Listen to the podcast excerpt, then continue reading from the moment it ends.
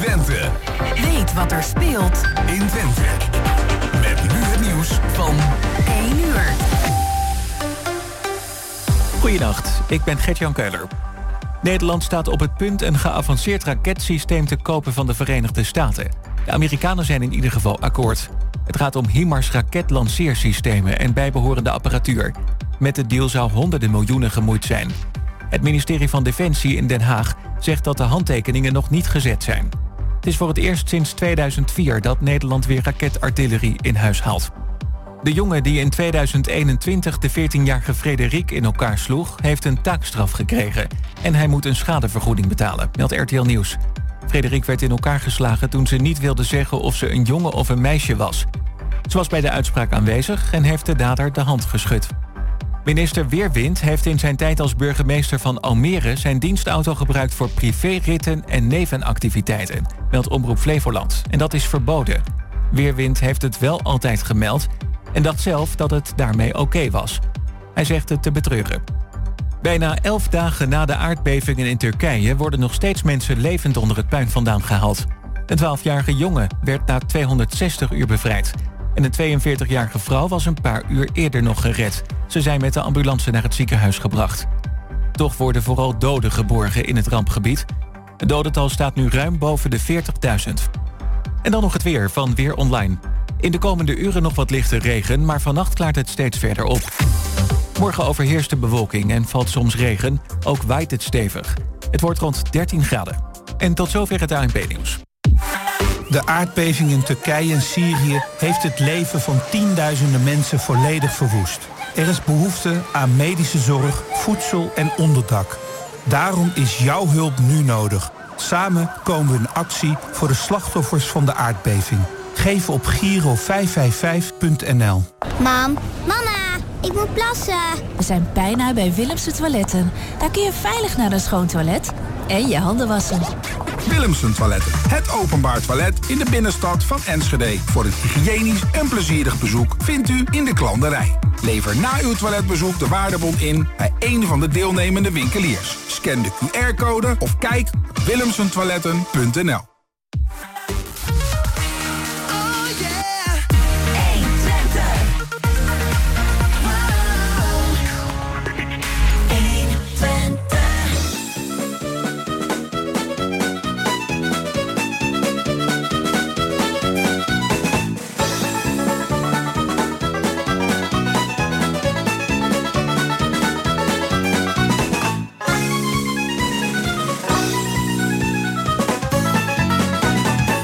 Ja, het is zondag. Een heerlijke dag. Het is droog. Uh, zometeen na de sport. Een mooi programma. Dan kun je wel lekker naar buiten gaan wandelen. Fantastisch weer. Maar vandaag gaan we eerst beginnen met kwartetten. En de gasten vandaag zijn Glenn de Dekker, Chantal Toren en Jan Vis. Techniek is in handen van onze belangrijkste man, zeg ik altijd weer. Volgens mij is die uitdrukking helemaal zat, hè? Maar, het is wel zo. Peter Jan Schone. De gasten zijn uitgenodigd door Jos Klasinski. Organisatie van alles en de koffie natuurlijk is geregeld door Emiel Urban iedereen koffie gehad heeft. Dan is water zo, maar even kijken. En uw gespreksleider vandaag is Roland Vens. Uh, ja, nu hebben onze gasten hebben ook een aantal onderwerpen aangeleverd waar ze graag over zouden willen praten. En daar wil ik graag mee beginnen. Het eerste wat mij dus opviel, uh, zijn dat er uh, dat Glenn en Chantal, ik mag het voornamen noemen, hè? Ja, absoluut. Ook wel je en jij, hem ook wel, hè? Ja, oh, dat is makkelijk, hè? Ja. ja. Oké, okay, ja. goed. Nou, dat Glenn en Chantal um, allebei het hebben over armoede in, in verschillende vormen dat we het over kunnen hebben. En dat Jan Vis het gehad heeft over 100.000 inwoners. Nou, ik denk dat het minst zware onderwerp toch de 100.000 inwoners is. Ik weet niet helemaal zeker. Maar uh, ja, vertel even, waarom heb jij dat onderwerp ingebracht? Ja, het is een, uh, ja, ik vind het eigenlijk wel een, een, een, komisch onderwerp. Het komt om de zoveel tijd komt het weer terug. Ik krijg wel eens de indruk dat het gebruikt wordt door, vaak door wethouders om, uh, om zich te profileren. Van kom laten we weer eens even wat op tafel gooien. Het is mij volslagen onduidelijk waarom Hengelo 100.000 inwoners dat als streef uh, aantal zou moeten hebben. Kijk, als je dat heel snel zou willen realiseren, zeg ik, fuseer met Born, dan ben je in één keer klaar. Een groot gedeelte van de Hengeloze inwoners, of mensen die in Hengelo werken, wonen al in Borne. Bornse Maand heeft jarenlang gebouwd, daar is gebouwd ten behoeve van Hengeloze inwoners. Dus technisch is dat makkelijk te realiseren. Borne wil niet, hè? Borne wil niet, maar dat is... Nou, dat zie je met meer andere kleine gemeentes. Dat heeft een ander, dat, de oorzaak daarvan is een ander ja, probleem. Een, een maatschappelijke ontwikkeling. Dat steeds meer belangrijke taken, grote, zware taken door de centrale overheid naar de gemeentes worden overheveld. Eh, denk aan jeugdzorg, denk aan sociale voorzieningen. De, en het gevolg daarvan is dat kleine gemeentes, die kunnen dat bijna niet meer aan. Eh, maar goed, dat, dat, is, dat zou dan een probleem voor Borne kunnen zijn. Maar het idee dat je per se 100.000 inwoners moet hebben, of daar naartoe zou moeten gaan. Ik kan me voorstellen dat het leuk is voor de burgemeester, voor de wethouders, en misschien gemeenteraadsleden. Ze krijgen iets meer salaris. Maar wat schiet je daar in wezen mee op? Ik denk dat het hier in Twente veel belangrijker is om regionaal goed te samen, samen te werken. En dat als eenheid naar buiten te stralen dan zo nodig 100.000 inwoners als Hengelo te moeten hebben. Glenn, voel jij je nee te schudden daar zo, zie ik daar zo. Nou, kijk, ik ben het, eh, ik ben het volledig met Jan eens. Eh, ik noem het een eh, luchtkasteel gebouwd op drijfzand. Maar ik zou een oproep willen doen. Ik zou een oproep willen doen aan, aan, aan 120. Ehm, doe, de, doe een poll. We hebben, we hebben begin maart hebben wij als gemeenteraad een politieke markt, een avond hierover, waar we met, over dit onderwerp in gesprek gaan. Vraag het aan de inwoner. Vraag het aan de inwoner, wat wil jij nou? Want wij als lokaal Hengelo hebben in december, vier maanden voor de verkiezingen, gevraagd aan de wethouder, wat is er nu met dat plan om te groeien naar 100.000 inwoners? Toen zei hij veel te ambitieus. Zes maanden later zegt hij, het is noodzakelijk. Het is noodzakelijk om de, om de kwaliteit, want ons, de kwaliteit van ons leven is in gevaar. Ik wist niet dat wij het in Hengelo zo slecht hadden met elkaar. Maar sterker nog, wat is de DNA van Hengelo? De DNA van Hengelo is dat wij een fijne woonstad zijn. Is dat wij goede sociale voorzieningen hebben en dat iedereen meetelt en meedoet. We hebben problemen. We hebben problemen dat eh, kinderen zonder ontbijt naar school gaan. We hebben problemen dat mensen in de kou zitten. Dat ga je niet oplossen met de groei naar 100.000 inwoners. Ik vind het de vlucht, wij als lokaal Hengelo vinden het de, de, de, de vlucht vooruit. En wat doen we nu? We hebben de afgelopen jaren hebben we een kleiner winkelkerngebied. Eh, zijn we, hebben we bouwplannen voor 4.500 woningen. Dat lost het verleden op. Wat, wat ga jij doen met die 20.000 mensen? Waar ga je die huisvesten?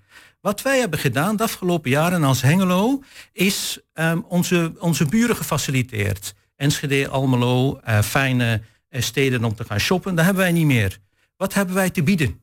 De motivatie van de, wetge- van de wethouder op dit vlak is van ja, jongeren gaan weg en die komen niet terug. Ja, maar dat is precies omdat je niets te bieden hebt. En met een mooi marktplein en met eh, de binnenstad als woonstad heb je niks te bieden. En het is niet noodzakelijk omdat Hengelo leefbaar wordt, dat het ook aantrekkelijk wordt. Maak Hengelo aantrekkelijk. En ehm, dat ga je niet doen met eh, naar 100.000 inwoners te Ja, ik ga nu even naar Chantal. Eh, Chantal, eh, is dit een beetje een kip-ei verhaal? Eh, want als je weinig jongeren hebt, omdat je te weinig te bieden hebt, maar je hebt te weinig te bied- te bieden omdat je te weinig jongeren hebt. Dus, Ja. maar, kun je er iets meer over vertellen? Ja, zeker. Ehm, als Enschedeze die in Hengelo is gaan wonen, moet ik eerlijk zeggen, Hengelo bevalt mij als... Ja, gaan we Sorry, ja, ben ik te verstaan. Hengelo is een hele fijne woonstad. Eh, De faciliteiten zijn er. Er is veel te doen, ook voor de jeugd en voor jongeren. En zeker voor mensen eh, ja, zeg maar in, de, in de middengeneratie, waar ik ook toe behoor. Ehm, maar goed, als je mensen wilt houden en zorgen dat ze hier willen blijven, moet je dus zorgen voor voldoende huizen, maar ook voor de randzaken. Eh Saxion-studenten, mbo-studenten, mensen bij de UT vertrekken toch nog wel heel veel naar buiten de regio vanwege de banen. Niet misschien per se vanwege de faciliteiten die hier niet zouden zijn, maar ehm, het speelt zeker mee. En dat hoor ik in mijn omgeving ook. Ja. Dus kip-ei verhaal. Ja, ja, goed, je moet ergens beginnen, maar waarom niet op twee plekken tegelijk? Zorg dat de voorzieningen goed blijven en beter worden, maar zorg ook dat de huisvesting verbeterd wordt. En inderdaad, het SEC naar 100.000. Ik heb de wethouder ook horen zeggen in een bijeenkomst dat dat niet een, een heilige graal hoeft te zijn per se het aantal, maar wel dat schaalvergroting nodig zou zijn om dingen te verbeteren en Hengelo beter te maken en ook toekomstbestendig. Ja. Maar goed, wat Glenn ook al zegt, er komt de politieke markt binnenkort en ik ben heel erg benieuwd naar wat daar nog meer. Ja. Ehm, in de tijd toen we die zaak hadden van de dubbelstad. Enschede. En, en dat is met Enschede. Ja, dat is eh, waarschijnlijk eh, voor jouw tijd, Chantal. maar goed. 86 was dat zoiets. En ja. eh, ja, ja, ja, voor. Maar ehm, toen was het zo dat eh, ze hadden uitgezocht in Amsterdam, een rapport, eh, dat de best bestuurbare stad was de stad tussen de 80.000 en de 100.000 inwoners. Eh, want die hadden nog en het karakter dat de mensen elkaar nog kenden, wat in een grote stad vaak veel, veel minder is. Maar ze waren groot genoeg om voldoende ja, eh, vakkennis en vakkracht aan te trekken om de stad goed te bestuderen. En dat, dat wel. Dat, Jan, je herinnert die situatie nog wel, neem ik aan. Ja, nee, dat... dat, Eh, eh, dat- met name Hengelo was Ja. zeer Ja. tegen. Zeer, het is, dat heeft eigenlijk dwars gelegen. Enschede wilde wel graag. Want er is toen een Maar, enquête geweest, Ja. om dan even naar Glenn ook te kijken. Er was een enquête geweest naar eh, hoe graag men in Hengelo wilde samengaan met Enschede. En toen bleek dat aan antwoorden op de enquête 97% van degenen die antwoord gaven er tegen waren. Dus dat was geen Ja, het, het heeft eh, de, toen het, de, de machtigste partij in Hengelo, dat was toen de CDA, is toen gehalveerd. Toen is burgerbelangen ontstaan als, als andere partij, als tegenhanger. Dat, dat- zo is burgerbelangen ontstaan. Maar Ik vind, ik, ik vind het ook een mooie uitspraak op dat vlak ehm, eh, van een eh, recent ehm, eh, van een ambtenaar eh, gepensioneerd die zei van demogra- demografisch is die uitspraak nergens op gebaseerd en aantoonbaar onjuist. Ehm, we, gaan, ehm, we gaan dit niet realiseren. En hoe realiseer je dit? Is onder, onder andere door migratie. Mensen die, die hier naartoe komen, die hier blijven wonen. Ehm, ik denk dat dat de groei, maar niet de groei veroorzaakt van 20.000 inwoners. Laat, laten, wij, la- laten we eerlijk zijn. Waarom? Onder andere ook de recente ontwikkelingen, de Lange Wemen.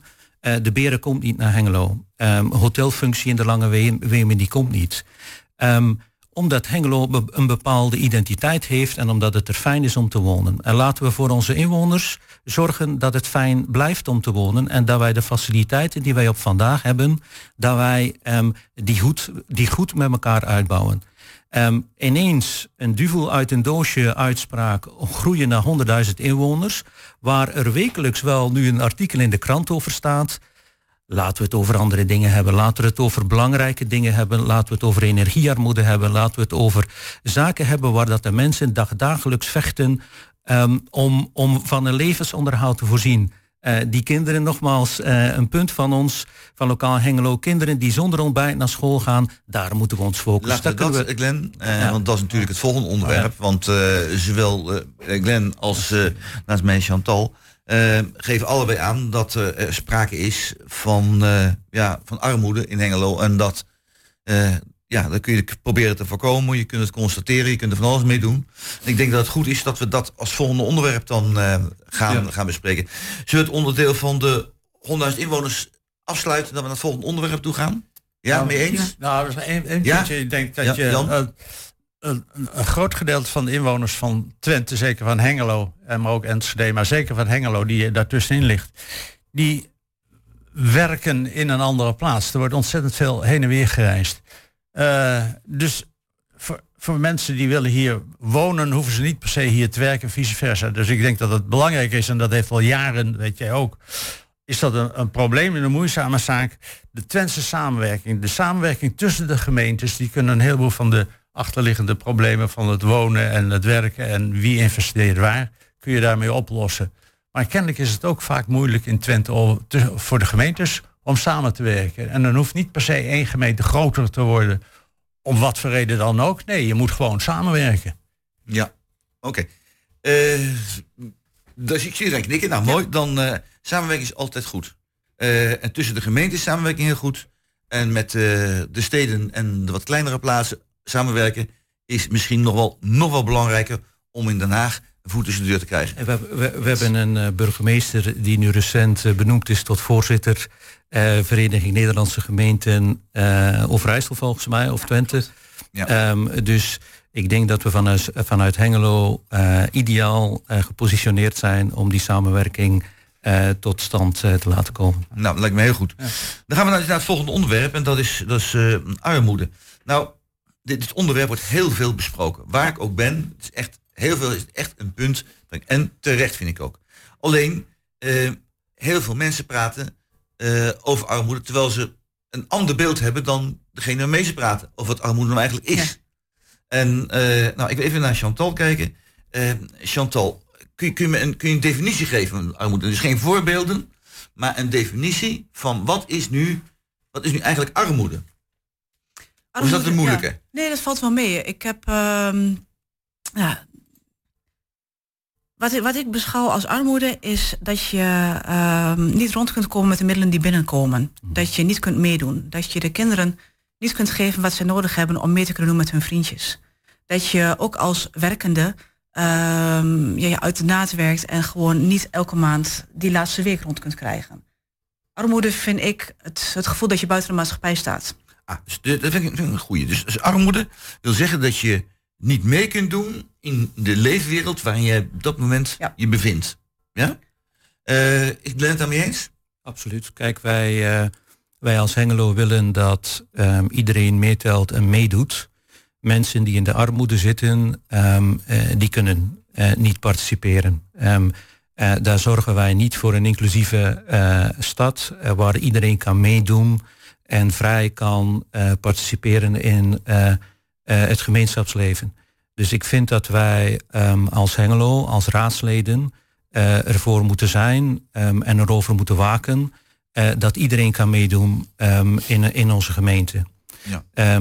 De insteek, en misschien kan ik dan ook meteen de overstap maken. Even, dan denk ik aan Jan. Ik even, de, even hebben, weten Ja. waar we het over hebben. Want Ja. anders gaan we weer langs elkaar heen praten. En dan krijg je een warboel. Dus dan ga ik even naar Jan. Eh, Jan, wat versta jij onder armoede? Nou, eh, wat, ik sluit wel ja, inderdaad bij, bij, bij Chantal. Alleen wa- waar, waar ik dan wel eens nou, moeite mee heb, wat ik me dan afvraag, is het ook niet een beetje een relatief begrip? Eh, wat vind je dat je nodig hebt? Wat is absoluut nodig? O- over kleding en voeding, oké, daar, daar kun je gewoon bijna absolute minima aan stellen. Maar dan kom je op het terrein terecht van het deelnemen aan sporten. Het hebben van, van mobiele telefoons, computers, weet ik wat allemaal, opleidingen. Dan kom je in een, een beetje een, een relatieve sfeer terecht. Dus ik, ja, ik, ik, ik, ik vind het toch soms wel lastig om te definiëren. Wel, ten aanzien van woningen en, en voedsel kan ik me iets bij voorstellen. Eh, en dan kom je op een gebied van, ja, wat, wat, wat is armoede dan? En Jullie kennen misschien dat, dat onderzoek wat plaatsgevonden heeft eh, van eh, waren jonge mensen. Eh, en die waren er allemaal aan het studeren en die werkten mee aan een project. Eh, die jonge mensen die eh, woonden in een hele mooie wijk. Daar werden ze ook neergezet, een hele mooie wijk. En daar hadden ze prachtige auto's voor de deur, dubbele garages, eh, alles erop en eraan. Waarschijnlijk het onderzoek jou knikken. Eh, die mensen kwamen daar, maar die was, ja, dat was een student en die had wel een redelijk inkomen. Alleen ja, die kon niks meedoen. Dat, dat, dat, dat ging gewoon niet goed. Dat was echt. eh, goed, eh, zijn vriendin die werkte wel. Die had een, een keurig leraressensalaris. Dat is helemaal geen probleem. Maar, nou ja, geen probleem. Kan ook beter. Maar in ieder geval, die, in ieder geval Oh, gemiddelde was het. Geen armoede, dus, dat, ja, maar, dat is, maar daar in die wijk waren ze gewoon arm. En ze zei ook na een half jaar van willen hier weg, want we zijn hier aan het vereenzamen, we kunnen met niemand meedoen. Ze zijn toen gaan naar een andere wijk in Utrecht, in, eh de Lombok en dat geloof ik daar zo. Echt een volkswijk. Eh, daar werden ze in, de, in het mooiste appartement geplaatst wat ze daar, eh, wat ze daar dus hadden. Eh, maar dan kreeg je tegenovergestelde verschijnsel, dat ze moeilijk werden aangekeken. Van ja, moest luisteren, zo'n rijke stinkers daar zo in een appartement. Dat noemen zich studenten, moest kijken hoe dat woont daar zo. Ongelooflijk. En ze hebben nog een auto voor de deur ook nog. Oh, ongelooflijk zeg hé. Dus armoede in dat opzicht is een relatief begrip. Eh, ik heb dan een heel lang verhaal, maar zijn, zijn, zijn jullie het daarmee eens, Chantal? Eh, misschien weet je dat ik werk bij een Fonds voor Armoedebestrijding in Enschede. Nee, nee, en, vertel. ehm, een stichting voor Urgente Noorden. Wat wij doen met onze stichting is wij verstrekken noodhulp aan mensen die buiten alle voorzieningen vallen. Ja. Maar dat kunnen zowel mensen met een uitkering zijn als mensen die gewoon werkend zijn, twee verdieners zijn, maar door pech of omstandigheden aan het eind van de maand geen geld meer hebben. Om een voorbeeld te noemen, ik had laatst een aanvraag van een echtpaar wat een eh, leuk centje verdiende. Drie kinderen had, waarvan de drie naar het speciaal onderwijs op moesten, leerlingenvervoer en eh, medische kosten. En die hadden gewoon echt niks meer. En dan kunnen wij wat doen. Dus als je dan zegt, hoe relatief is armoede? Als jij dus de Ah. basisdingen niet meer kunt doen voor jouw gezin, voor jouw kinderen, dan heb je het over voeding, Ja. over kleding, over de echte basisdingen. Ja. En dat kan korte termijn en lange termijn zijn. Wat, wat jij net zei, van oké, die, men- die mensen die hadden het op zichzelf wel goed, maar op dat moment hadden ze niks. Precies hetzelfde eh, opmerking hebben we een paar keer gehoord van de kant van de voedselbank. Dat er mensen kwamen die inderdaad zo te zien welvarend waren, maar op dat moment de tent was failliet, ze waren ziekte van alles. Maar op dat moment hadden ze niks. Maar goed, dat was dus eigenlijk korte termijn armoede, maar eh, precies hetzelfde kan Maar ja, van de kant van de korte- voedselbank. Die korte termijn armoede mondt wel vaak uit in langere termijn problemen. Ja, ja, ja, dus ja. vandaar Ja, de lasten die je hebt, dat is inderdaad zo. Ja. Ja. Zo, zo, soms, soms heb je, ehm, Jan, de, de uiterlijke eh, tekenen van rijkdom. Maar als je achter de voordeur eh, binnenkomt bij die mensen, dan gaat er iets heel anders schuil. En eh, veel mensen ehm, houden de schijn op eh, van kijk naar ons. Ehm, en die hebben nog altijd schaamte eh, om zich te gaan melden. Ehm, en ik denk dat wij daar ehm, als raadsleden ehm, en als gemeente eh, oog moeten voor hebben. Maar wa- wat ik tegelijkertijd daarbij wil, wil toevoegen is dat we hebben vooral veel oog voor armoede die leeft onder eh, particulieren. Waar wij minder zicht op hebben, is armoede die leeft onder ondernemers, onder zelfstandigen.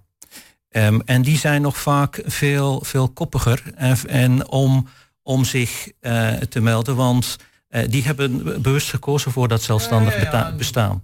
En die accepteren dat een hele tijd. Is het En- eigen risico van Ik- hun ondernemen. Ja, en ik, ik vind het fijn dat we een raadslid eh, die nieuw gekozen in ons midden zit, eh, die ervaring heeft ehm, eh, op dit onderwerp. Ehm, ehm, eh, want veelal doen we die discussie over, over gewoon particulieren. Maar ik vind ook, laten we die discussie breder trekken. We hebben ook vragen gesteld over vroegsignalering, waar dat we deze week van het college, wij als lokaal Hengelo hebben van het college antwoord gekregen over vroegsignalering ehm, bij schulden eh, voor particulieren. En daar werd er ook geantwoord van ja, voor ondernemers is er geen wettelijk kader. Ja, Eh, ja. Dus die, die vallen dan tussen wal en schip. Ja, Chantal. Ja. Nou hebben wij vanuit het fonds waar ik voor werk contact met het ROZ gehad. En die zijn bezig met in kaart te brengen voor welke mensen zou het kunnen betekenen. Maar ik ben helemaal met je eens. Het melden en het open kaart spelen over dit soort problemen is voor particulieren al moeilijk, maar voor ondernemers denk ik nog veel moeilijker. Ja, ja, ja. En eh, wij hadden ook al meer aanvragen verwacht. En wat wij nu mee bezig zijn, is kijken of wij iets kunnen regelen voor deze groep. Om in ieder geval mensen die willen stoppen, maar de eindafrekening niet kunnen betalen. Hmm. Om daar iets voor te doen. Zodat ze in ieder geval het bedrijf kunnen beëindigen. Ja, ja. Als dat Ja, niet meer floreert. Maar ja, wij, wij denken dat er heel veel mensen moeten zijn met die problemen. Alleen ze Ze melden, melden ze, zich ze niet. melden zich niet. Dat is Eh, ook een en- van mijn... Hoe, hoe bereik je die? Kijk, en misschien, en misschien weten mensen het nog te weinig. Hè? Wij, wij hebben ehm, eind vorig jaar als raad ehm, eh, een stevig debat met elkaar gehad over ehm, een energiefonds. Eh, hoe gaan we mensen eh, incidenteel eh, structureren? Of, of, of compenseren. En, en misschien weten mensen dat onvoldoende. Maar wij hebben als raad beslist... het is een onbeperkt bedrag die wij ter beschikking stellen. We hebben initieel gezegd als gemeente Hengelo... 4 miljoen is de piepgrens. Maar er is geen eindlimiet. En daar hebben we echt met elkaar diep alle fracties samen waren het daar met elkaar over eens dat wij beperkt in de tijd, maar een onbeperkt bedrag ter beschikking stelden voor, ehm, voor mensen. En wat je dan ziet, is dat ehm, er toch te weinig mensen op afkomen. Ja. Eh, Jan. Nou, ik had even, eh, even een vraag eh, ten aanzien van dat onbeperkte bedrag. Ik, als de overheid onbeperkte bedragen of überhaupt bedragen gaat uitgeven, vraag ik mij altijd af waar komt het vandaan? Want eh, ja, het, eh voor niets gaat de zon op. Dus ik kan me voorstellen, het is leuk om te zeggen een onbeperkt bedrag, maar wanneer stopt dat? Wanneer, hoe compenseer je dat? Of wordt dan de rest van de gemeente op een gegeven moment geconfronteerd? Jan, ik wil je toch even nu lastenverhogingen? eh, onderbreken, want dit, hier gaat nou een discussie ontstaan. Ja. Die gaan we voorzetten. We gaan meteen hierna weer verder. Maar eh, de luisteraars willen ook even een kleine onderbreking hebben om even te verwerken. We gaan eerst een klein muziekje tussendoor doen. En dan eh, kunnen we daarna dit onderwerp verder uitspinnen. Want het is wel een heel belangrijk onderwerp. En daar zijn we het eh, alle vier met elkaar eh, over eens. Het muziekje waar we gaan luisteren is eh, She's Always a Woman van Billy Joel.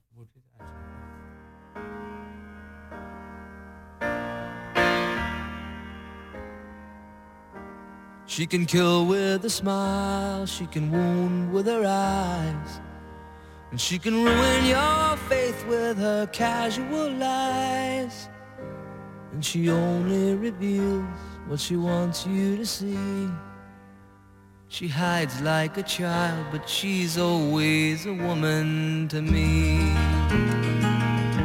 She can lead you to love, she can take you or leave you. She can ask for the truth, but she'll never believe. And she'll take what you give her as long as it's free. Yeah, she steals like a thief, but she's always a woman to me. Oh, she takes care of herself. She can wait if she wants. She's ahead of her time.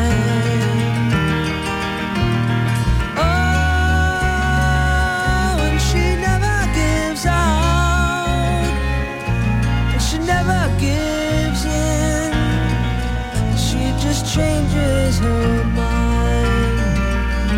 And she'll promise you more than the Garden of Eden. Then she'll carelessly cut you and laugh while you're bleeding. But she'll bring out the best and the worst you can be. Blame it all on yourself, cause she's always a woman to me.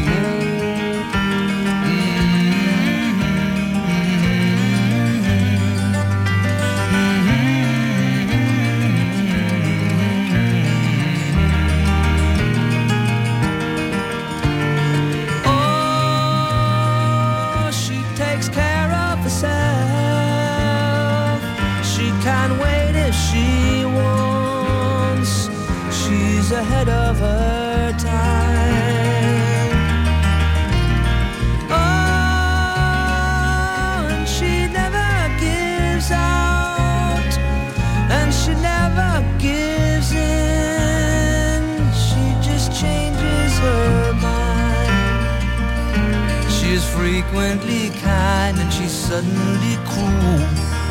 But she can do as she pleases, she's nobody's fool.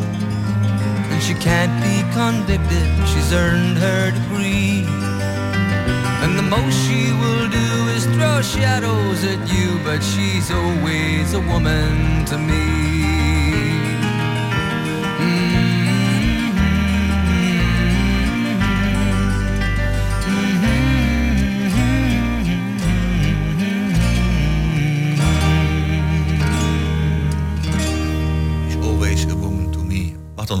Wel tijd? Jawel, dat mag wel.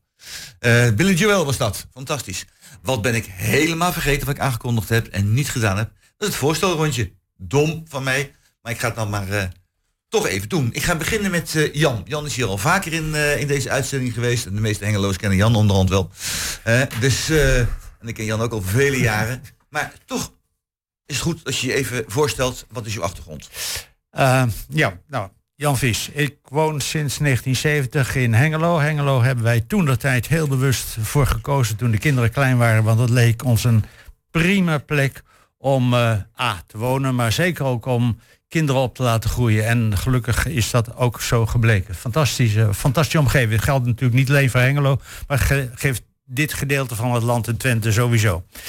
Eh, een prima omgeving. En eh, wat heb ik hier gedaan? Ik ben hier gekomen, toen was AXO Zoutchemie was net gevormd, samengesteld. Dus ik heb bij, eh, al die tijd heb ik bij AXO Chemie in diverse functies gewerkt. Ik ben chemicus van huis uit. Eh, maar ben later ook meer de commerciële kant op gegaan. En eh, daar ben ik ook met pensioen gegaan. Nou, in die tussentijd eh, ben ik, en dat raak ja, soms zeg ik wel eens achteruitlopend, kom je, raak je erin verzeild, al dan niet via je kinderen, in het verenigingsleven actief geweest. Dus ik heb uh, getennist, gehockeyd en dan, je stelt drie vragen en je zit in het bestuur, zo gaat dat eigenlijk. En toen ik, en ook in die tijd, nou iets later, ben ik eh, verze- verzeild geraakt, zou ik graag zeggen, in de kringloop. Ik ben nu zo ongeveer 25 jaar voorzitter van de kringloop eh, Hengelo. Dus ik maak die hele fusie en al die toestanden en mooie gebouw in Enschede. Nou, eh, maak ik van heel dichtbij mee. Dus recycling, eh, circulatie, nou ja, milieu, dat was ook bij mijn werk een van mijn aandachtsgebieden. Dus eh, het hergebruik van goederen, heel, eh, ben ik nog steeds erg in geïnteresseerd. politiek? Politiek, op een gegeven moment liep ik ergens en toen zei iemand, is politiek niet wat voor jou? Ik zei, nou, dat is misschien wel aardig. Toen was ik net met pensioen. Ehm, en zo ben ik, eh, ja, zeg ik ook wel eens achteruitlopend in de politiek verzeild geraakt.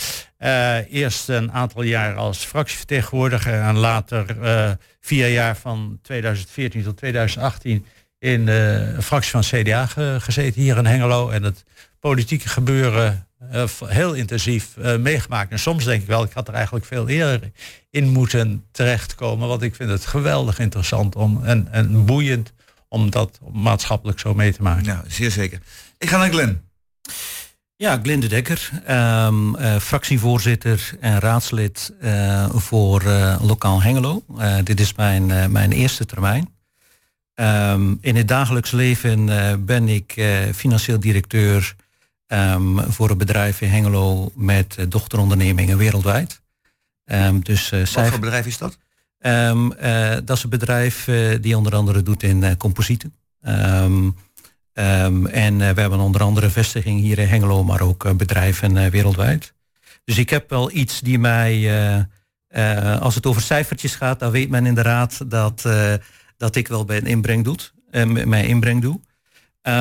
Ik woon al ehm, eh, 16 jaar in Hengelo. Dan een jaar, drie jaar daarvoor heb ik ook in Enschede gewoond. En waarschijnlijk hoor je aan mijn tongval dat ik geen uh, rasechte tukker ben.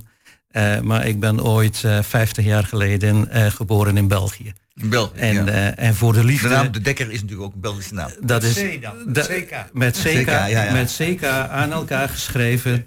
Eh, en ik ben uiteindelijk, uit- hoe is het niet anders, voor de liefde naar uh, Twente komen. Prachtig, prachtig, prachtig. Heel goed. Dan gaan we naar Chantal. Chantal, vertel. Ja, eh, Chantal Toren, geboren getogen in Enschede. Eh, ook voor de liefde naar Hengelo verhuisd. En eh, sinds 2004 woon ik hier alweer. Ehm, ja, wat kan ik vertellen? Ik ben, voordat ik bij het Fonds Bijzonder Noden begon, zit ik nu bijna drie jaar als bureauhoofd. Ben ik heel lang bijstandsconsulent geweest, een jaar of 18. En gewerkt met mensen in zeer moeilijke omstandigheden. In Enschede begonnen, daarna naar Almelo en toen naar Wierden verschillende gemeentes meegemaakt, verschillende besturen, maar ook verschillend beleid en eh, verschillende vangnetten voor mensen. En toen het Noordfonds uiteindelijk kwam met een vacature, dacht ik, ja, dat is mijn kers op de taart. Ik kan nu doen wat ik bij de gemeente nooit kon. En het is eh, buiten de kaders denken en kijken wat nodig is om mensen verder te helpen. Ja. En dat is ook de reden waarom ik uh, uiteindelijk bij de PvdA terecht ben gekomen. Um, heel toevallig, uh, wij zaten eerst bij de Noordmolen en mijn uh, huidige wethouder, Marius Luttekholt, werkte voor het CIMOT. kwam er dus binnenvallen met een casus om die te bespreken en zo kwam het balletje aan het rollen. Ja. En uh, ja, ik was al lid en ze zei, oh, wil je niet meedenken? Wil je straks in de fractie vertegenwoordiger worden? En ja, nou, wel niet, wel niet. En mijn moeder was destijds ernstig ziek, dus uh, dat is toen niet van de grond gekomen. Ik ben wel op de lijst gezet, maar wel onderin, zodat ik uh, in ieder geval mijn handen vrij had voor de thuissituatie. En uh, door het vertrek van Danielle ben ik dan uh, nu uiteindelijk raadslid geworden sinds ja. afgelopen woensdag. Zo, helemaal nieuw. Nou, fantastisch. Hartstikke vers. Ja. ja. Maar je, ja. je, loopt al een jaar mee, had je gezegd. Ja, ik ben in maart vorig jaar begonnen als fractievertegenwoordiger. Ja, okay. ja. ja, ja, heel Gewoon mee, behalve dan de ja. officiële raadsvergadering. Het is ook prima om in de luw te, te ontdekken prima. wat er allemaal speelt, hoor. Zeker, dat, uh, dat, dat, dat, dat, was voor mij hetzelfde. Kijk, je, je, je wordt dan benoemd vorig jaar als uh, nieuw raadslid. Uh, maar je loopt wel al vier jaar mee uh, op, de, op de publieke tribune uh, om alle raadsvergaderingen te volgen. En ik kan je verzekeren, er is niks vervelender dan op die publieke tribune te zitten met een eigen mening en van alles te horen en niks mogen zeggen. Ja. Maar, ja, was je toen al fractievertegenwoordiger of nee. niet? Oh nee, want kijk, het voordeel van fractievertegenwoordigers dat je met commissievergaderingen meedoet. En ja. die vond ik vaak veel interessanter en belangrijker dan de raadsvergaderingen. Er worden dingen ja. formeel en procedureel afgehandeld. Maar in de commissievergaderingen, uh, dat, is, dat is het interessante. Daar wordt beleid bepaald. Ja, ja. ja. inderdaad. Goed, nou dat is geweldig. Uh, nou, misschien moet ik mezelf ook nog even vertellen. dat ik toch bezig ben. Ik ben dus Roland Vens. En uh, ik ben in 1980 ja, 80, ben ik mee gaan draaien met, met de VVD-fractie. In, in Hengelo. In 1982 ben ik in de raad, in de raad gekomen. Uh, ik, ik, heb heel lang in de gemeenteraad gezeten. Ik, uiteindelijk ben ik acht keer beëdigd. Ik kan het zo mag noemen. Dus ongelooflijk. op Johan Haring na heb ik het langst in de gemeenteraad van Hengelo dus gezeten. Daarna ben ik er een jaartje tussenuit geweest en toen waren de verkiezingen voor de Provinciale Staten. En dan heb ik dus vier jaar Provinciale Staten gedaan. En uh, ja, onlangs ben ik even teruggekomen, een halfjaartje, omdat ja, moest iemand hebben die ingewerkt is, was iemand weggegaan. Dus ik heb nog een, een halfjaartje meegedraaid met de Staten. Heel erg leuk. Ja, is nu ook zo'n beetje afgelopen met de verkiezingen. Uh, van mijn vak ben ik, uh, ben ik leraar.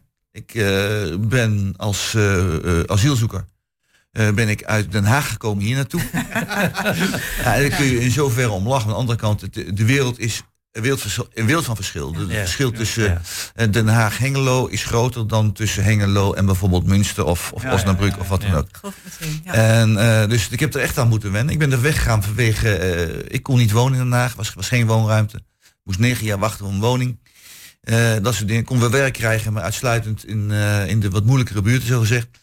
Eh, dus eh, ja, terwijl hier in het oosten was eh, werk zat, zoals als kon makkelijk gedaan worden. En ik ben hier begonnen en even moeilijk gehad, toch wel een paar jaar, om te wennen aan de cultuur. Maar de, ogenblik, eh, ja, ik ben heel tevreden. Ik ben nu 73 jaar en ben nu echt lang aan pensioen toe. Maar ik vind het nog heel leuk om iedere zondag hier kwartetten te gaan doen. En dus lekker nog mee te draaien met van alles nog wat. Dus heel erg leuk. Nou, voorstelrondje gedaan. Eh, en dan gaan we toch weer even, ja, nou toch weer naar die armoede terug. Want dan kun je zeggen, de luisteraars van, ja, gaan we vervelen met armoede. Ja, want de impact in, in de samenleving is enorm. En ik kan nog één dingetje zeggen. Ik heb een, op het VWO in de tijd heb ik leerlingen een onderzoek laten doen. Van hoeveel geld heb je nodig? Als het trouwens zelf bedacht wordt, maar ik heb het laten uitvoeren. Eh, hoeveel geld heb je nodig om als gezin van een man en een vrouw eh, en een kind van 12 en een kind van 10 om mee te doen met alles wat op televisie als normaal beschouwd wordt. Dus meedoen met televisiereclames, meedoen wat in praatprogramma's verteld wordt, meedoen wat in, in, in spelprogramma's genoemd wordt als zijn normaal. Hoeveel moet je er netto verdienen in de maand om daar aan mee te doen? En daar kreeg ik dus van eh, drie groepjes hebben dat onderzoek gedaan in dat ene jaar. En dan kreeg ik drie getallen die heel sterk op elkaar leken. En ik zou aan jullie willen vragen, heb je enig idee hoeveel geld er moet zijn? Ik begin met Jan. Noem eens een getal. Noem eens een paar duizend euro. Wacht even, je hebt het over een gezin. Een gezin. Een gezin. En dus een man, een vrouw en een, een jongen van 12 en een meisje van 10. Nou, ik gooi maar wat, 2500 netto. 2500 netto. Ik ga naar Glen. Ik denk ehm, ehm, eh, 8000 netto. 8000 zegt Glen. Wat zeg jij? 3500? En dat 100. Eh, het was 5100, 5200 en 5250. Zo. Ja. Netto. Ja. Dus eh, met die 8000 is je aardig in de richting. Studeerden die kinderen? Eh, Waren wat ze- zeg je? Waren de kinderen de deur uit? Nee, die waren 10 jaar en 12 oh nee, jaar. nee, dat is. Oké, dus Dus die waren dus, waren en nog dat is dus eigenlijk. en dan doe je gewoon datgene wat normaal is. En wanneer, wa- va- van wanneer eh, was die studie? Eh, 2014. Dus als ik de- Ja, met ja. inflatie meereken, Oké. zit niet zo ver vanaf. Ja, dat denk ik. Ja. Het- Moet je je even voorstellen, hoeveel mensen, eh, stel dat het nu 7000 is, hè, dat Ja. hoeveel mensen in Hengelo, of, of huishoudens zijn in Hengelo, of gezinnen zijn in Hengelo, die 7000 euro hebben en daar denken mee een normaal leven te kunnen leiden. Hoeveel zijn dat er? Ik denk dat het, eh, nou, hoe zal het zijn, procent? Chantal? Ah, 12, 13 procent misschien, Nou, Max? dat is misschien Ik, Max. meer ik, ik, ik, ik denk van de 80.000 euro, dat we, van de 80.000 inwoners die we hebben, een 10.000. 10.000? Ja. Ja. Ja, 10 procent. Ja, ik denk ook inderdaad een, Oh, sorry. Ja, misschien wel, misschien wel minder dan 10%. Ja. Dus dat is, dat is het beeld wat er getekend Ja. wordt. Ja. Dus armoede is, behalve dan dat echt wat je aan de basisdingen ontbreekt, dat is zoals voedsel en kleding en onderdak, eh, eh, zijn er ook andere factoren die een rol spelen, waardoor je je arm kunt voelen. Ja, precies. Zeker. Maar ja, ik, ga, ik ga even naar, eh, naar Chantal. Ehm, wat, hier zijn alle drie in, in de politiek, of al eh, Jan niet mee helemaal direct, maar er was zeker wel invloed nog, maar wat kun je eraan doen aan die armoedebestrijding in een brede zin? Wat, alleen geld geven lijkt me niet de oplossing. Nou, er zijn natuurlijk heel veel mooie initiatieven. Hè? Als je in Hengelo gaat zoeken als leek van wat is er allemaal mogelijk met een laag inkomen, heb je een heel rijtje met waar je aanspraak op kunt maken. Het kindpakket bijvoorbeeld, die maatregelen. Ehm, maar wat denk ik nog veel belangrijker is, is dat wij zorgen dat nog veel meer mensen dat weten te vinden. Er is heel veel mogelijk, maar weet het maar eens. En ehm, Het is heel complex, hè? accepteer maar eens van jezelf dat je misschien wel die hulp nodig hebt. Dat is een punt. Ja. En ehm, heel veel mensen zien zichzelf ook niet als arm. Hè? Want ja, ik werk hard, ik kan rondkomen. Ja, dan kunnen ze maar niet op, op sport. Dan hebben ze maar geen... Weet je, dat, dat is er ook. En wat je ook niet moet vergeten is dat als je die ambtelijke tekst op onze website of de website van de gemeente ziet. Ja, je zal laaggeletterd zijn of je zal net niet even de weg weten. Vind het maar eens. Nou, ik denk dat het zijn. Ik denk dat Nee, eh, maar ik heb heel veel mensen dat niet kunnen. omdat je in die materie zit, weet je wat het betekent en hoe je dat moet doen. Hoe je zo'n formulier moet invullen. En ik las dat er in de biep twee keer in de week twee uur hulp is bij brieven en formulieren. Ja. Maar ja, dat is onderwerktijd. Dus als jij al werkend bent, Ja. kom je daar niet. Ik Denk, ja, dat is denk ik een uitdaging voor ons. Hoe maar- bereiken wij Maar misschien, meer maar, mensen. maar misschien mogen we eh, ook niet vergeten dat er ehm, sinds eh, de energiecrisis ehm, dat we ook te maken hebben met eh, wat ik noem nieuwe armen. Eens. is, wa- want, en, en die mensen eh, die zitten denk ik ook geblokkeerd. Ehm, als je een bepaalde. Ik, ik, ik heb voor mezelf bijvoorbeeld eh, nu zonnepanelen, eh, ehm, eh, eh, isolatie. Dat loopt aardig in de papieren. En er zijn mensen die tot voor de geopolitieke ontwikkeling met Rusland en Oekraïne eh, best een aardig inkomen hadden en die zich uitstekend konden redden, die opeens geconfronteerd worden met een energierekening, eh, die zich niet meer kunnen redden. En die waren dat helemaal niet gewoon. Dat is een hele nieuwe groep En, en, en die worden geconfronteerd met eh, een uitdaging, want iedereen moet mee met die energietransitie. Ehm, maar die kunnen het niet betalen. En die weten die weg niet. Nee. Ehm, dus eh, we hebben eh, goede voorzieningen in Hengelo ehm, voor de mensen die het echt moeilijk hebben, voor, voor eh, de kwetsbare huishoudens. Maar die groep groeit in de afgelopen anderhalf jaar. Ehm, en daar hebben wij, denk ik, op vandaag nog een onvoldoende antwoord op. Ehm, en daar moeten we goed over nadenken als we alle inwoners willen meekrijgen in de energietransitie. En dat is een onderwerp die we afgelopen dinsdag hebben besproken in de politieke markt. Is dat we ook ehm, ja, iedereen meekrijgen ehm, in eh, wat we met z'n allen willen bereiken. Hoe dat je dan ook erin zit, voor of tegen die energietransitie. Maar de mensen die ook willen, die mee kunnen. En dat kan niet.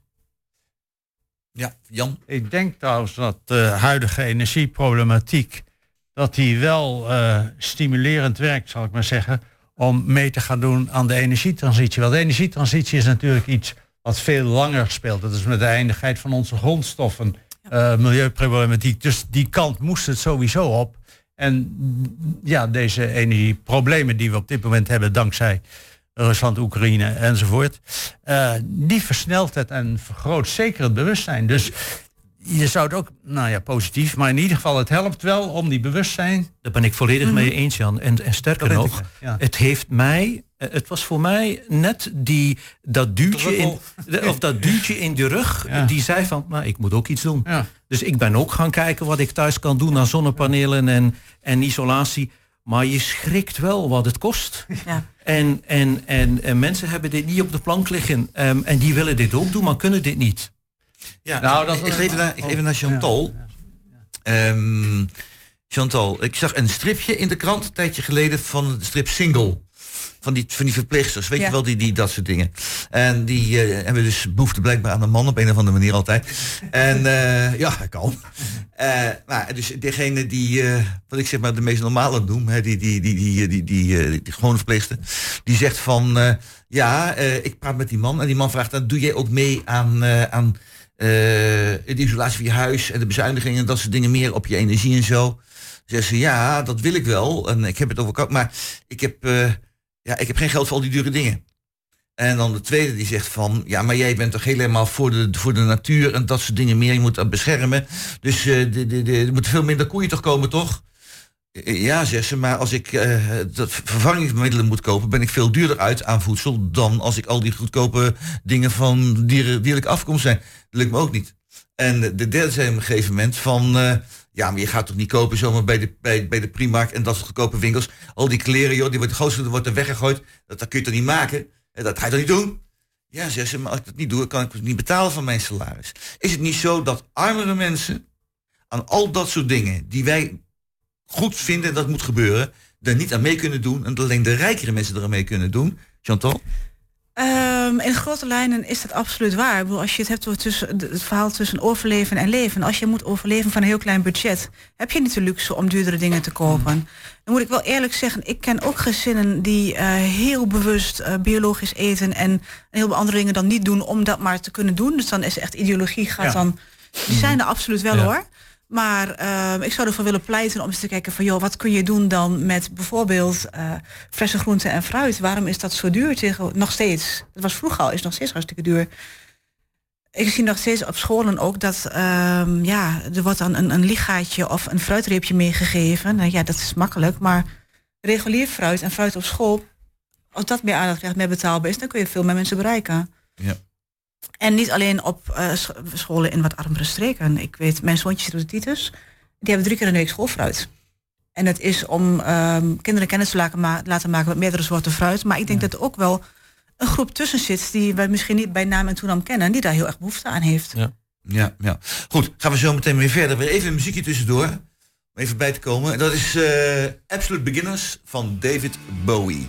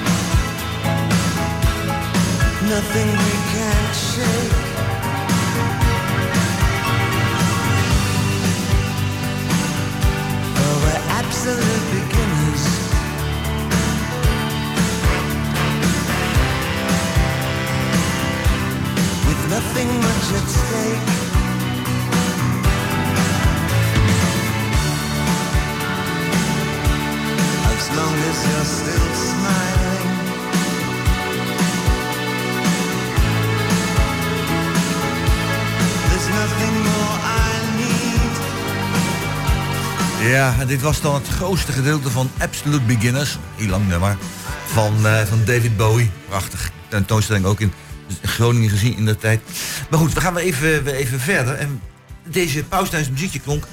Toen hebben we het even nog over gehad van wat het nou moet gaan kosten om het huis te isoleren. En hiervoor hadden we het even over van dat als je niet zo vermogend bent, dat het heel moeilijk is om met al die maatschappelijke eisen die er nu zijn, om eraan mee te doen. Eh, dat is een, eh, is een probleem. Eh, nu is het ook zo dat de rest, de regionale energiestrategie, daar tellen de zonnepanelen op particuliere daken niet mee. Dus eh, die, eh, daar kun je doen wat je wil, maar je draagt niet bij aan het milieu, althans niet volgens de, de regelgeving. Dus eh, dat, is- dat, is- dat is raar. Eh Glenn, jij zit, ik zie dat je zit te popelen. Nou ja, Van, eh, we- we- weet je, vertel. we- kijk, je ziet altijd, jammer dat het geen eh, camera is, maar wat, wat ik uit mij nogal, ehm, je ziet altijd aan mij als er iets mij triggert. Als we het, Ja. hebben, als, als we het, als we het hebben over de rest, dat is een van die onderwerpen waar dat wij als lokaal Hengelo eh, nogal heel eh, een aparte positie innemen. In die zin, ehm, eh, en ik vind het, je triggerde mij met de uitspraak van ja, in de rest doet eh, ehm, zon op daken niet mee. Maar, Particulieren. Sorry? Voor particulieren. Voor particulieren. Ja, maar moet je eens kijken. Ehm, eh, wat wij aan het doen zijn, wij, leggen landbouw, wij- wij, gaan landbouwgrond ehm, eh, zonnepanelen opleggen. Eh, wij gaan eh, windmolens zetten. En nog God Garme in Hengelo gaan we twee windmolens zetten. Dit is gewoon symboolpolitiek. Laten wij als Hengelo nou even een goed programma waar dat we stimuleren zon op daken. Waar dat wij een bod doen in de rest, waar dat die particulieren wel meedoen. Maar goed, dat is dan weer landelijk beleid, dat kan niet. Eh, dus vandaar hebben wij ook als een van de enigste partij ehm, afgelopen dinsdag eh, tegen ehm, eh, de koers duurzaamheid gestemd. Want daar staan windmolens in. Wij zijn daar tegen. Wat er niet in staat in die koers duurzaamheid is waterstof, kernenergie. Waarom praten we daar niet over? Ehm, Maar kernenergie, dat, mijn ervaring, zo ik weer even onderbreken. Mijn ervaring is zo, er zijn bij heel veel partijen, kom ook bij jou zo meteen, eh, zodra het woord kernenergie valt, zeggen ze, bom, deur dicht. Daar praten we niet over. Discussie uitgesloten. Ja. Eh, maar, maar dat als, is nu al aan het veranderen trouwens. Als je, ehm, als, je, als je kijkt hoeveel windmolens hebben wij nodig in Nederland om heel Nederland van stroom te voorzien? 18.000. Ja. Ehm, eh, wat is het equivalent van één, één eh, centrale aan windmolens zijn er 6000. Dus je hebt. Ja, die acht tegenwoordig ook al. ja, dus je hebt vrij weinig kerncentrales nodig om ehm, eh, die hele beeldvervuilende windmolens te voorzien. Dat je windmolens op zee zet, fantastisch. Het is daar een gemiddelde windsnelheid van 22 tot 25 km per uur. Hier in Hengelo heb je gemiddelde windsnelheid van 12, eh, 13 km per uur. Daar gaat die wiek net beginnen draaien. We zitten in een windluw gebied. Laten wij vooral, maar dat zie ik niet in Hengelo. Wat is ons plan dat wij stimuleren eh, bij de particulieren en de ondernemers zon op dak? Doen we dat? Ehm, we gaan nu de Boeldershoek volleggen met mooie zonnepanelen. Zonde. Ah, zonde. Zonde, hartstikke zonde. Ehm, eh, maar, maar waarom? Omdat er daar ooit een energieaansluiting bedongen is met Enexis, waar dat we een window of opportunity hadden, zoals ze die noemen, eh, om op, onze, op het net aan te sluiten. Eh, ik denk dat wij nog veel te weinig vooruitstrevend zijn qua nieuwe, eh, qua nieuwe technieken. Nieuwe energievormen. Ehm, eh, en dat we daarop moeten Even- focussen. Ik ga naar- even naar Chantal. Ik kom zo bij jou, Jan. Eh, Chantal, ehm, nieuwe energievormen. Eh, op 1 maart is er in het provinciehuis is er een symposium over kernenergie. En daar gaat onder andere over, heb ik al gehoord. Eh, ik kom er dus eh, iedere week zo'n beetje. Ehm, eh, en over kleine kerncentrales die je gewoon aan de rand van de stad kunt zetten. Of zoals in de woonwijken, riep iemand. Vind ik wel heel erg overdreven. Maar goed. heel... ehm, Maar die, die zijn, in Engeland zijn ze er al, hè? wordt al Ja. gebruikt. Ehm, Chantal, vind je dat een, een, een oplossing? Of zeg je ook, zoals ja, nog geen drie jaar geleden was het zo... als ik dan met iemand van PvdA praatte van over kerncentrale... afgelopen, praten we niet over, doen we niet. Hoe wordt er nu over gedacht? Ja, dat is een hele goeie. We zijn natuurlijk, weet je, ehm, met door de hele energiecrisis moet je ook kijken naar andere oplossingen. Maar ehm, ik, ik vind persoonlijk, en als PvdA-lid, ik vind het een hele grote stap. Ja, Echt hoor. En als je dan zegt, eh, die windmolens, die windturbines, niemand wil ze in de achtertuin, dat klopt. Eh, zonnepanelen, er zijn heel veel dingen voor te zeggen, maar ook kun je dit aansluiten op het huidige energienetwerk? Is dat überhaupt capabel om alles op te vangen? Dus ik vind het een hele grote discussie waar ik gewoon te weinig kennis voor heb om daar een zinnig antwoord op te geven. Maar ik zou denken, of ja, ik, ik vind het echt een hele gaat grote stap. snel. Ja. Gaat het snel. Ja. Maar zie je, als de techniek verder gaat en denken aan veiligheid en, en oplossingen voor mogelijk afval of zo, Ja, er dan, dan, dan, als dat niet voorkomen, zijn er in de toekomst de mogelijkheden, denk je? Er zijn heel veel mogelijkheden. Mo- Weet je, je hebt ook mensen die verdiepen zich in de mogelijkheden van waterstof bijvoorbeeld. Wat je daar allemaal mee kunt. Dus dat zijn ontwikkelingen zijn zoveel gaande. Ja, ik ben daar een leek in, heel eerlijk. Ja, dus nou, dat, goed, dus eh, ben ik ook. Dus. Ik, ik ga even naar, naar Jan. Jan, eh, hoe kijk jij tegen? Heeft, heeft de gemeente een, eh, een energiebeleid? Eh, te- ook niet alleen korte termijn, maar ook met name langere termijn. Want dan praat je over die diverse technieken. Hebben ze die en wordt die dan ook elk jaar eh, maar gedeeltelijk geïmplementeerd? Ik bedoel, je kunt een schitterende verhalen. Je huurt een club in die kan hele mooie verhalen voor je schrijven over energietransitie. Maar wat, wat, heel concreet, wat doet de gemeente op dit moment en de komende jaren op dat gebied? En ten aanzien van de energiedragers, ja, kijk, zonnepanelen is, is natuurlijk leuk, maar daar heb je s'nachts niks aan, dus je moet het ergens opslaan. Dat is het eerste. En dan kom je terecht op gebieden als bijvoorbeeld waterstof, want waterstof is een energiedrager. En je moet het maken. Dat is een van de dingen wat, wat bij de Noordzee speelt. Wat ze zeggen, oké, we hebben al die windmolens staan. Maar daar, die stroom die eruit komt, kunnen we niet verbruiken. Dus de plannen zijn al, dat is een paar jaar geleden al, eh, behoorlijk uitgewerkt. Dat zetten we om in waterstof. En dan krijg je die waterstof. Dat is, een, dat is net als benzine. Dat is gewoon een energiedrager. Die moet je wel eerst maken. Kernenergie is, is nou, Frankrijk draait al jaren en jaren grotendeels op kernenergie. Die dingen die, die zijn aan het verouderen, dat is een beetje een probleem. Die technologie ontwikkeld, is ontzettend snel ontwikkeld. Alleen om een kerncentrale te bouwen op dit moment is een termijn van vijf tot tien jaar is het minimum. Je kunt niet even zo'n ding bouwen als een andere centraal. Dus al de, je kunt niet zeggen en of dit of dat. Je moet kijken de combinatie van technieken en technologieën en ontwikkelingen die er zijn, hoe kun je dat het beste optimeren? En dat kan best zijn dat je uh, helaas ook die zonnepanelen er hebt, maar die dan tijdelijk eventjes weer na, of na verloop van tijd weer uitgooit. Ja, Glenn. Twee dingen wil ik, uh, Jan, even uit jouw verhaal um, uh, distilleren. Eén, heeft Hengelo een, een plan? dat heeft Hengelo en dat heet een koers naar duurzaam Hengelo in 2050. Um, uh, 2050 met de tussenstap 2030. Mm. Um, ons grootste bezwaar is dat, uh, ons bezwaar van lokaal Hengelo is dat daar en windmolens in staan en dat het ontbreekt aan waterstof en aan um, uh, kernenergie. Dat tweede punt dat ik er wil uithalen is het duurt 10 tot 15 jaar. Als je ziet voordat een kerncentrale er staat, mm. Wie zijn de grootste voorstanders van kernenergie? Qua partij zit die hier niet rond tafel, maar dat is D66 die ook de minister Energie heeft. Als die echt werk willen maken van kernenergie, hoeft dat geen 10 tot 15 jaar te duren. Als de politiek landelijk echt werk wil maken van een duurzame energiebron die klaarstaat voor de toekomst, waar dat wij onafhankelijk zijn van externe uh, geopolitieke invloeden, dan kunnen wij dat. En dan kunnen wij dat sneller als 10, 15 jaar. Maar je moet het willen. Ja, dat is waar. De, maar dat betekent dat je dat op lokaal niveau niet kunt regelen. Want hier komt nooit een kernenergiecentrale, want, omdat je je koelcapaciteit niet hebt. Dus je komt de planning voor kerncentrales in Nederland is aan de kustgebieden. Delfzijl, Del, uh, Zeeland eventueel. Ja. Dus, nou Jan, ja, dat... het zijn dus wel nu al in, in Engeland te werken... dat men aan de rand van steden... Ja. Uh, dus al kleine, uh, die, die een honderdste van de capaciteit hebben van een grote kerncentrale... kleine kerncentrales heeft.